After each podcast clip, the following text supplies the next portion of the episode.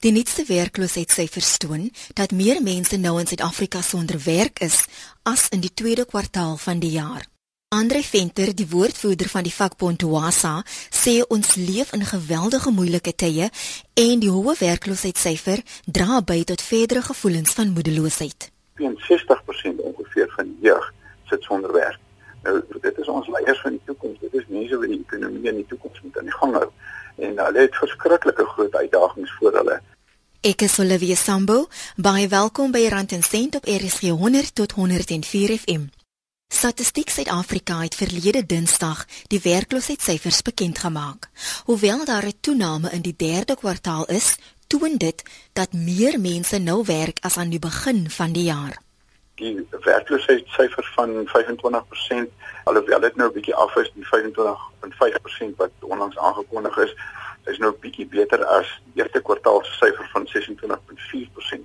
Dit beteken dat een uit elke 4 mense wat oud genoeg is om te werk, van daardie mense het nie werk nie. Dit beteken hy kan nie vir sy mense sorg nie. Dit is 'n baie somber prentjie en dit is 'n baie moeilike prentjie wat dit vir baie mense moeilik maak en enige verandering wat dan in die ekonomie plaasvind sit nog ekstra druk op mense wat dit daar reeds baie moeilik gaan en dan natuurlik met die ekonomie wat op die oomblik verskriklik pap is. Nou in die onlangse maand of 2, 3, 4 deur 'n tydperk gegaan waar daar verskriklike vooruitskattinge kom van werkverliese uh, in die mynbousektor en in die staal- en ingenieursbedryf en so meer. Dit alles dra by tot 'n geweldige somber somber prentjie en mense voel baie negatief oor die hele situasie. Mense begin redelik heelvol raak. As die syfer van 25.5% verder afgebreek word, skilder dit 'n kommerwekkende prentjie vir die jeug. So 62% ongeveer van die jeug sit sonder werk. Dit is ons leiers van die toekoms. Dit is mense wat die ekonomie in die toekoms moet aan die gang hou. En hulle het verskriklike groot uitdagings voor hulle. Ons het 'n geweldige vaardigheidstekort in die land om ons om ons ekonomie aan die gang te hou en hierdie mense is gretig om te wil leer om vaardighede aan te leer en om sekere studierigting na te volg. 62% van hulle kan dit nou nie doen nie want hulle het eenvoudig nie werk nie, hulle het nie geleenthede nie. Dit is 'n broeiende onrus kan 'n mens amper sê onder die jeug en ek dink dit het ons nou gesien is nou besig om nou uiting te kry deur die studente wat nou protes uh, optogte reël om te sê maar uh, luister ons kan nie hierdie hoë universiteitsgelde en goede uh, bekostig nie ons dog nie werk nie en uh, so daar is hierdie broeiende onrus onder die jeug uh, omdat hulle nie 'n toekoms het basies nie. Die gebrek aan opleiding bemoeilik ook jong mense se kansse om werk te kry. Die oomblik wanneer daar protes optrede en goeters daar is, dan is ons um, as ons osself bevoordeeldes mag noem, dan is daar mos 'n gevoel wat by mense opkom en sê maar, maar wat is hierdie jong mense nou besig om te doen? Wat 'n protes aksies en goeters het hulle nou?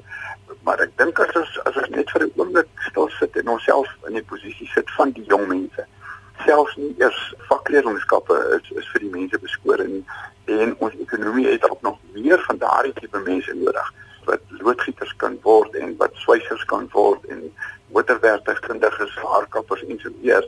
Dis nie te sê almal moet nou met 'n universiteitsgraad kry nie. En as jy mense vakleerlingskap kan gaan loop en kan gekwalifiseer raak, dan het jy 'n bepaalde stel vaardighede en as jy dan nou nog 'n gebore entrepreneur of 'n ding is, dan kan jy nog jou eie besigheid begin en jy kan mense in diens neem. Selfs dit is nie vir die mense beskore nie en uh, ek dink ons jeug gaan deur 'n geweldige moeilike tyd in ons geskiedenis en daar moet iets daadwerklik aan gedoen word want daai tikkende tydbom wil amper nou lyk asof hy begin ontrond het. Jong mense wat pas gegradeer het, sukkel ook in baie gevalle om hulle studieskuld af te betaal. Boonop sukkel hulle ook om werk te kry weens 'n gebrek aan ondervinding. Die ironie is dat hulle slegs ondervinding kan opdoen as hulle in diens geneem word. Maar sommige maatskappye soek die ondervinding voordat hulle jou kan aanstel. Dan is daar nog 'n ander waarskuwing ook dat baie van die kursusse wat die jong mense ook op universiteite loop en by ander instansies loop, dit gee dalk nie vir die mense die korrekte kennis en die vaardighede wat die ekonomie verlang.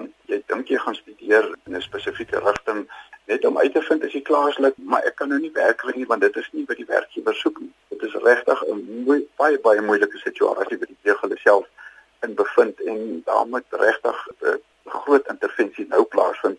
En is dit nie ironies nie? Dit is asof daar oor 'n lang tyd gekla is en gewaarsku is en baie mense het gepraat daaroor, baie instansies het gepraat daaroor oor die probleem van die jeug en oor werkloosheid oor die algemeen. Maar dit is asof ons so gewoond geraak het daaraan en dat ons dit net maar verbygebly het. En miskien is dit dalk 'n baie baie goeie ding wat nou gebeur het dat die studente juist dan gesê het, maar goed, kom ons mobiliseer onsself en kom ons vertel vir die mense hoe ons voel oor die goed. Miskien gaan daar nou ander kragte loskom en dat die regering en georganiseerde besigheid die vakbonde almal moet begin hande afvat die erns van die saak besef en sê maar ons kan nie net kyk na na studieselde nie ons kan nie net kyk na sekere elemente van die ding nie ons moet holisties na die ding kyk en sien maar hoe gaan ons die ekonomie in gang kry hoe gaan ons vir mense werk gee wat se skills het mense wat se vaardighede het mense nodig dit is die enigste manier want hoe meer mense oor dit praat besef jy maar ons sit met 'n geweldige groot probleem Aan die woord is Andre Venter van die vakbond Toasa. En jy luister na Rand en Sent op RSG 100 tot 104 FM. Welkom as jy so pas by ons aangesluit het. Gesels gerus saam en stuur 'n SMS na 34024. Elke SMS kos R1. Jy kan ook die program aflaai in MP3 formaat by rsg.co.za. Terwyl Suid-Afrikaners bekommerd is oor die hoë werkloosheidsyfer in die land, waarsku ekonome van ander lande oor die gevare van deflasie. Deflasie word beskryf as 'n koue wind wat vanuit China begin waai en die res van Asië, asook die Weste en Europa begin affekteer. Ek het met Rigesnel, 'n finansiële adviseur by Brenthurst Wealth in Tygervallei gaan gesels. Ek wil by hom weet, wat is deflasie En hoekom is dit so 'n groot bron van kommer in die ekonomiese kringe? Ek dink die maklikste manier om dit te verduidelik, Olivia, is is om te begin met wat is inflasie? En inflasie is, is eintlik maar net die toename in in prys van 'n item van 1 jaar tot 'n volgende. Natuurlik word dit gemeet van 'n vorige jaar na huidige jaar en dan is daar gewoonlik vir of 'n toename of of 'n afname. Nou inflasie het twee komponente. Een kan wees 'n sterk inflasie groei as gevolg van die vraag na item en, en dit is vir verskaffers moontlik om 'n prys toename in 'n prys na die verbruiker toe deur te gee. En dan die ander tipe inflasie word meegebring deur 'n koste-inflasie. Dit spruit gewoonlik voort uit iets soos byvoorbeeld 'n wisselkoers verswakking soos wat ons in die rand gesien het. Nou jy vra wat is deflasie? Deflasie is so 100% die teenoorgestelde as inflasie waar 'n item se prys van 1 jaar na volgende eintlik afneem. Ek dink dit is ook belangrik om te besin oor wat bring deflasie mee. Hoekom sal pryse van 1 jaar na volgende kom ons sê verswak? Een is as gevolg van 'n komponent wat oral sigbaar is in ekonomie en dit is byvoorbeeld tegnologie. In die verlede was mense meer jy weet betrokke by die vervaardiging van items.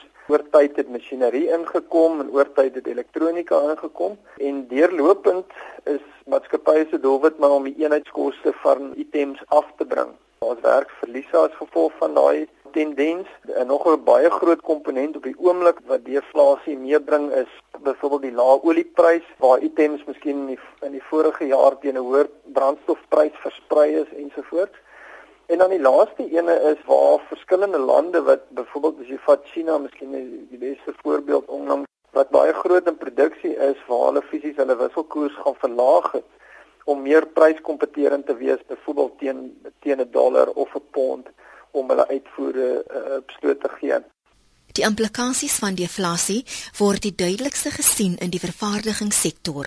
Dit gaan gewoonlik gepaard met swak vraag na goedere soos ek gesê, niemand wil graag 'n item, jy weet, goedkoper vir sy verbruiker aanbied as sê maar die vorige jaar nie. So van dit is is letterlik noodgedwonge om om items te skuif as die verbruiker onder druk is dan om die produk aan aan hom verkoop te kry is baie keer 'n moontlikheid om die prys te verlaag. Die ander probleem wat dit meebring is dis amper 'n spiraal effek waar indien 'n item se prys, jy weet, die tendens aanneem om te verminder of te verlaag oor tyd, dan beteken dit dit stel die verkope van daai item stel dit uit. En dit is natuurlik baie negatief vir ekonomiese groei. Uh, die laaste komponent van so deflasionêre ekonomiese toestand is natuurlik waar jou werkgewers, ons het klaar gepraat van daar's 'n jy weet daar's 'n kans dat hulle in elk geval uh, werksverliese sien in maatskappye as gevolg van die swak groei. maar ook dat werknemers nie die loonverhogings of salarisverhogings sien deurkom tussen die verlede nie omdat daar nie 'n vreeslike groei in die ekonomie plaasvind nie. In Suid-Afrika gaan ons egter gebuk onder inflasie. Maar deflasie sal die pryse van ingevoerde goedere na Suid-Afrika beïnvloed. Dit gaan meer om te sê maar wees bewus af van ons handelsvennote gaan fisies onder koste druk kom want hulle moet kompeteer met lande soos byvoorbeeld China wat 'n baie lae inflasie klimaat aangewoond is en eintlik wil aanmoedig en wat meer is dat hulle hulle wil eintlik hulle pryse verlaag. So ons handelsvennote gaan dit moeilik hê en daarom sal dit oorspoel na Suid-Afrika toe. Die Amerikaanse dollar wat op die oomblik so sterk is, is natuurlik vir die Amerikaanse ekonomie iets wat van 'n probleem want dit beteken ook dat byvoorbeeld items wat hulle wil uitvoer ewe skielik duurder is in ander wisselkoerse reg oor die wêreld. So tot tyd en wyl die Amerikaanse dollar begin verswak, gaan Amerika en en baie dele van die weste definitief onder druk bly. Europa is ook in die proses om hulle wisselkoers te probeer uh, afdruk en moedig dit aan met 'n hele paar fiskale beleid benaderings. Ek dink waarvoor verbruikers kan uitkyk is daar gaan definitief 'n tipe van 'n wisselkoers oorlog ontstaan tussen lande wat items wil vervaardig en uitvoer en dan internasionale kringe aanbied om dit letterlik so pryskompeterend en goedkoop as moontlik aan te bied. En so sê Rike Snell van Brenthurst Wealth. Is Olivia Sambo. Jy kan 'n SMS stuur na 34024. Elke SMS kos R1. Jy kan ook inskakel op die DStv kanaal 913. As jy die vorige deel van die program gemis het, kan jy dit aflaai by rsg.co.za. Ons gesels nou verder oor deflasie en die implikasies daarvan. Rike snel verduidelik hoe deflasie in China Amerika se pogings om hulle ekonomie te versterk negatief kan beïnvloed. Ek dink dit gaan oor uh, spesifiek die eenheidsprys of koste wat in die verlede ek wil amper sê voortgevloei het uit die produksie van 'n item byvoorbeeld in Amerika. Daar's natuurlik 'n verhoogde loon of salaris gekoppel gewees aan daai item. Dit was nie naaste by die volume van wat 'n mens deesdae uit die ooste uit sien so China nie. Ek sou sê China het letterlik vervaardiging gaan vervolmaak in terme van die eenheidskoste, die goedkoop arbeid wat hulle aanwend, hulle uh, tegnologie. Dit het regtig gegaan oor volumes van die begin af om dit so goedkoop as moontlik te doen. As Amerika daarmee kon meeding, sou hulle nie destyds die die produksie van items en daar's baie voorbeelde daarvan, maar Apple is byvoorbeeld een van dit. Die vervaardiging van daai item in die ooste gaan doen dit nie. Hulle kon dit fisies met die kom ons sê patente goedkoper in die ooste gaan vervaardig as wat hulle dit binne hulle eie landsgrense kon doen. In ekonomiese kringe word deflasie as 'n botsing tussen verskillende wêrelde beskryf. Waar die ooste fisies koste afdruk en amper probeer om 'n nul inflasie eh, koers te probeer bewerkstellig teenoor die weste wat gewoond is aan 'n inflasiesyfer gewoond is aan 'n salarisverhoging gewoond is aan ekonomiese groei. En die twee pole bots met mekaar en op 'n manier wat China reg kry met hulle benadering is om sekere produksie dan basies weg te raap van die Amerikaanse ekonomie. Hulle doen dit al vir baie lank en om so hulle markandeel in wat hulle ook al vervaardig te vergroot. So, jy weet as jy gaan kyk wat China onlangs gedoen het, hulle het hulle wisselkoers gaan verswak. As iemand dit doen, is een van die resultate daarvan is om jou inflasie syfer af te druk. So, hulle probeer fisies deur so beleid om kostes af te druk om meer kompeterend te raak in so 'n ekonomie en uitvoer van items teenoor Amerika en die res van Europa te verbeter. 'n Groot gedeelte van die Chinese ekonomiese groei was gedryf deur hulle regering se spandering op infrastruktuur. Ek het nou die dag gelees dat China het, het meer beton tussen 2011 en 2013 gebruik as wat Amerika in die hele 20ste eeu gebruik het. En ons moet onthou dat Amerika sy infrastruktuur is meestal gevestig in die 20ste eeu. Hulle het meeste van hulle damme gebou, meeste van hulle paaie en hulle geboue, hulle brûe. So dit is werklik die skaal wat wat die Chinese regering kommoditeite en en hulpbronne aangekoop het, dit gebruik het om infrastruktuur te skep vir die land is enorm. Wat hulle nodig het is om daai ekonomie se eienskap te verander van net 'n infrastruktuur spanderende ekonomie waar die regering meeste van die groei finansier na 'n verbruik verbruikersekonomie. Dit wat ons sien wat op die oomblik in die ekonomie aangaan, is letterlik maar net die resultaat daarvan om te sê daar was 'n verskriklike fokus op infrastruktuur spandering. Daai fokus is besig om te verwater en dat die beleid van die regering besig is om te verander om om weg te beweeg van hulle eie spandering na waar hulle verbruikers gaan fisies aanmoedig om geld te spandeer en die ekonomie voortaan so te laat groei. Rikus is van mening dat ons in Suid-Afrika tog voordeel kan trek uit die situasie. Waar ons kan minslaan uit dit uit is is natuurlik as ons goedere en middele kan verskaf aan 'n land wat 'n verbruikerskultuur begin omhels en aanmoedig. En daar's 'n verskeidenheid van produkte, jy weet byvoorbeeld as jy landbou neem. Daar is geleenthede om regtig te kan minslaan as hierdie enorme hoeveelheid mense werklik begin items te verbruik in dieselfde tempo as wat ons moontlik in die westerse wêreld sien en selfs op eie bodem. So dis nie als negatief nie, wat dit wel behels of inhou is om te sê maar ons dink ons gaan in 'n ekonomiese tydperk in waar westerse ekonomie en, en onthou dat hulle is steeds groot handelsvennote van Suid-Afrika waar hulle in 'n in 'n fase ingaan van lae ekonomiese groei as gevolg van hierdie koste druk waar verbruikers onder druk gaan wees en wat 'n mens fisies afhanklik gaan wees van 'n land soos China om te sien maar hoe suksesvol is hulle om hulle verbruikers en verbruikbeginsels aan die gang te kry want van daai markte gaan fisies met skuif van waar ons produkte nou lewer na byvoorbeeld die Chinese verbruiker toe. So ek dink dit is als negatief nie maar wat ons vir mekaar kan sê is ons gaan baie meer kompeterend moet wees in terme van hoe ons produseer. Ons gaan definitief eh, 'n strawwer tipe van kompetisie omgewing sien as wat ons in die verlede gesien het. Dit dan Rikke Snell van Brenthus Wealth en dis rand en sent RSG 100 tot 104 FM. Baie welkom as jy sopas by ons aangesluit het. Terwyl ekonome waarsku oor deflasie in China, heers daar groot kommer in Suid-Afrika oor die aantal jong mense wat sukkel om werk te kry. Ek het vir Andre Venter van Oase gevra wat die regering kan doen om die situasie te red.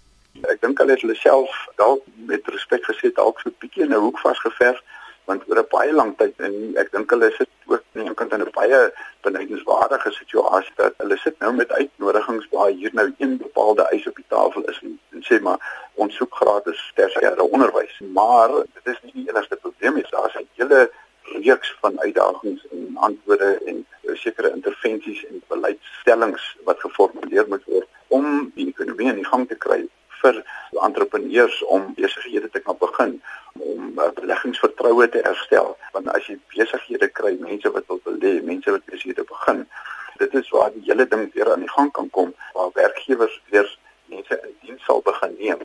En dit sal die ekonomie stimuleer want dan gaan die weer gebruikersgoedere nodig hê wat gekoop moet word en dit stimuleer weer die vervaardigingssektor en so so dit is 'n dit is 'n hele siklus. So die regering sal moet iewers moet begin. Almal praat van die nasionale ontwikkelingsplan, maar ons moet nou daar daadwerklik sien wat hulle besig om te doen. Hoe maak hulle dit vir werkgewers moontlik? Wat maak dit vir beleggers moontlik om te wil belê en om besighede te begin, mense in diens te neem, die ekonomie in die gang te kry? Om dit te kan doen, nou het ons bepaalde vaardighede nodig en laat ons planmatig te werk gaan om te sê kom ons skakel nouer met universiteite met colleges en so meer om dan vir ons doelgerig vaardighede op te lei en te gee wat ons kan gebruik in die werkplek en in die ekonomie. Dit is dalk wensdenkery, maar dit is moeilik om te dink hoe 'n mens anders kan doen. En op die oomblik lyk dit regtig soos 'n roesemoes en, en ons is vasgevang in 'n moeras van nie heeltemal seker hoe ons uit die ding uit gaan kom nie, maar ons moet hoopvol bly. En dink jy in jou ervaring dat hulle die private sektor wel genoeg doen? Kan die private sektor meer doen, maar terselfdertyd moet, moet ek dan sê eh, so kan vakbonde ook meer doen en so kan die regering ook meer doen. Ons moet saam begin sit en ons moet 'n ander taal met mekaar begin praat. Ons moet ophou vinger wys vir mekaar. Ons moet mekaar hande vat en saam koppe by mekaar sit en te sê maar hoe gaan ons hierdie land maak werk? Hoe gaan ons 'n plan daar kry en waar gaan ons begin? uh om hierdie ding reg te maak. Ons nou praat van nasionale ontwikkelingsplan hierdie wonderlike plan wat nou baie moeite mee gedoen het en wat 'n goeie plan is. Ons sien en ons hoor niks eintlik van die ding waar hy en hoe hy geïmplementeer word en ek dink alleen moet dit gedoen word maar nou om die vraag uit te kom. Doen die private sektor genoeg om vir mense werk te skep? Dink hulle kan sekerlik meer doen, maar terselfdertyd moet die regering vir hulle 'n tipe van 'n regulatoriese omgewing skep waar binne hulle dit makliker vir hulle is om besigheid te doen want dis alom bekend dat daar soveel rompslomp administratiewe rompslomp en belastings en so meer wat maak dat beleggers nie lus het om te belê nie. En daar's onsekerheid oor as ek myself gaan belê gaan myself veilig wees. Gaan eiendomsreg verseker wees. Of gaan ek geld hier in 'n put gooi um, ek gaan 'n klomp geld spandeer aan masjinerie en om 'n besigheid te begin mense in diens te neem net om agterna agter te kom maar ja dit gaan nie werk of uh, ek gaan my geld verloor en so meer so al die dingetjies moet aangespreek word om die private sektor die nodige vertroue te gee om te sê ons gaan belê, ons gaan meer belê, ek gaan dinge wees internasionaal sodat ek goed kan maak en goed uitvoer en so meer. En wat mense kan gedagte moet hou, dis 'n pad wat geloop moet word voordat jy resultate kan verwag. Baie beslis. Die water is diep. Die water is baie diep. Miskien vir my en vir jou wat nou dalk vergeet tog dat ek nou jou daarby insluit, maar ons wat relatief leuke is op die gebied daar's baie mense wat baie slimmer as ons is, maar vir my lyk dit asof dit nie 'n baie maklike oplossing nie. Ek dink die begin moet kom by leierskap. Iewers moet 'n leier opstaan en 'n leier moet sê, "Maar luister, ons het 'n probleem en ek nooi julle uit kom al die leiers van die verskillende groeperinge. Kom ons vat hande, kom ons begin saam bou in hierdie land sodat ons almal kan floreer. Kom ons hou op om mekaar teen mekaar op te maak. Kom ons praat die regte taal. Ons praat 'n ontwikkelingstaal plek van dat ons laat ons proteksionisties is, kom ons praat oor ontwikkelingstaal in plek van dat laat niemand dit sê nie en dan breek ons liewers almal saam af. So ons moet daai leierskap kry en solank ons dit nie gaan kry nie, iemand wat gaan opstaan en sy hand opsteek en sê kom ons kry die land reg. Ek het hierdie droom vir hierdie land, maar ek probeer 'n klomp mense saam met my en ons begin bou. Dit was Andre Venter van Oasa. Ek groet tot volgende Sondag om 5:00 hier op Rand en Sent, RSG 100 tot 104 FM. Totsiens van my, Olivia Sambul.